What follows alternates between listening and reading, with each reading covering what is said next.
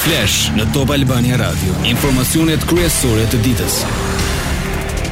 Përshëndetje, këto janë lajmet e orës 16. Ministria e Mbrojtjes informon se reshjet e rëna gjatë natës kanë shkaktuar problematika në disa qarqe të vendit, por situata paraqitet normale, ashtu si në përmbytjet më të fundit, sërish Shkodra e Lezha janë zonat më të prekura.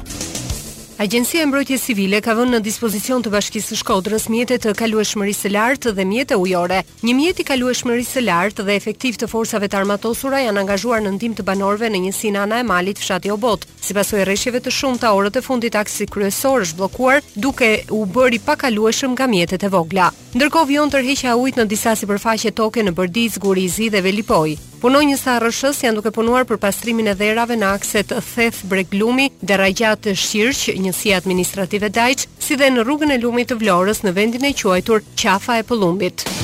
Tërheqje të ujit ka edhe nga sipërfaqet në Qarkun e Lezhës, në njësinë Balldren, ish-këneta e Torovicës, në zonën e Laçit, ish-kënetën e Gjormit. Sipas raportimeve, hidrovorët punojnë normalisht nën kuotat kritike. Kuotat e lumenjve, Drin, Gjadër dhe Mat janë normale. Në fshatin Kishavec, bashkia Dibër janë evakuuar disa bagëti për shkak të depërtimit të ujit nga përroi i fshatit, ndërsa po punohet për riparimin e dëmtimeve në urën e Çikut. Në fshatrat Toplan, Sermë, Njësia Administrative Temal dhe në zonën e Vermoshit punonjës të OSHEE-së janë në terren për rikthimin e furnizimit me energji.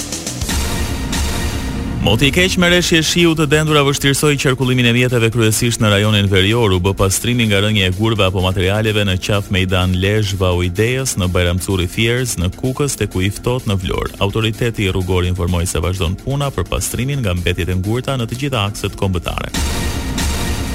Në vendin tonë sot do të depërtojnë masa ajrore relativisht të qëndrueshme e të thata me origjinë veriperëndimore. Moti vijon me vranësira e kthjellime në relievet e larta malore në zonën e Alpeve ka reshje dëbore. Temperaturat variojnë nga 3 në 23 gradë Celsius.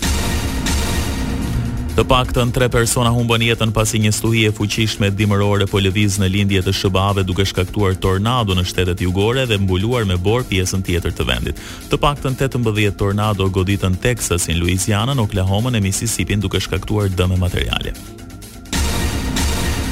Stuhi të mëdha kanë goditur edhe pjesën qendrore të SHBA-ve, duke shkaktuar mbyllje të rrugëve e shkollave, pasi shumë shtete raportojnë se bora arriti në 1.2 metra lartësi. Rreth 3300 fluturime u shtynë dhe mbi 150 u anuluan. Edhe Kanadaja përballet me stuhi bore dhe era të fuqishme. Lajmet në internet në adresën www.topalbaniradio.com. Kryeministri Rama reagoi sot pas ankimimit në Gjykatën Kushtetuese të Shoqatës së Ndërtuesve për prishjen e ndërtimeve pa leje në një postim shkruan le të shkojnë edhe në Hagë ose në Hënë po të duan, po pallatet me shkelje do të prishen ose do të konfiskohen për interes publik, prandaj uroj që Gjykata Kushtetuese të mos lajthitë. Me katër vite e gjashtë muaj burg u dënua ish-gjyqtarja e Korçës Mimoza Margjeka me akuzën e korrupsionit. Dënimi iu konvertua në tre vite shërbim prove. Margjeka u shpall fajtore për korrupsion lidhur me marrjen e gjashtë mijë eurove për të liruar një të arrestuar për trafik klandestinësh.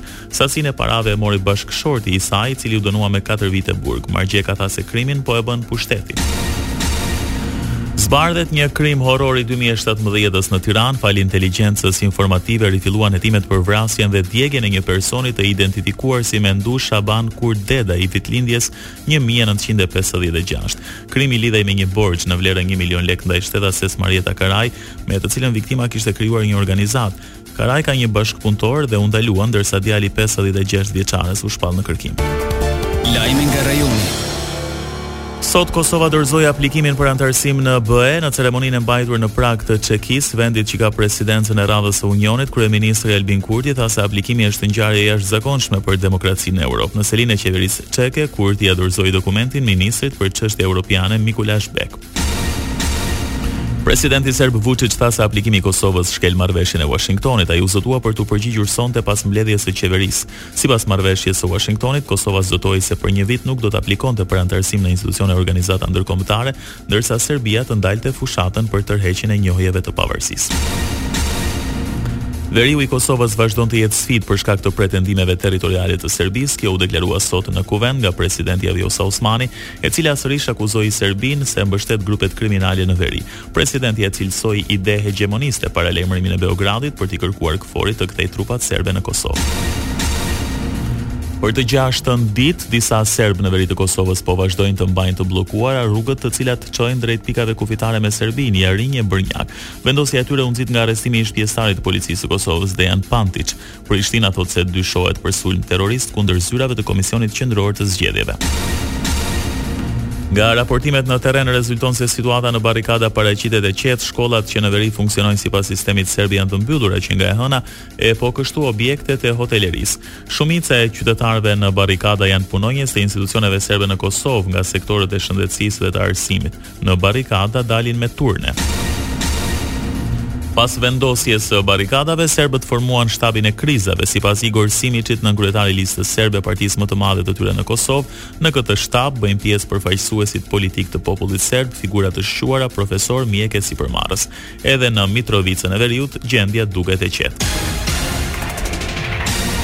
Ndoqët një përmbledhje kryesore të lajmeve të ditës, unë jam Edi Hallaçi. Kjo është Top Albania Radio.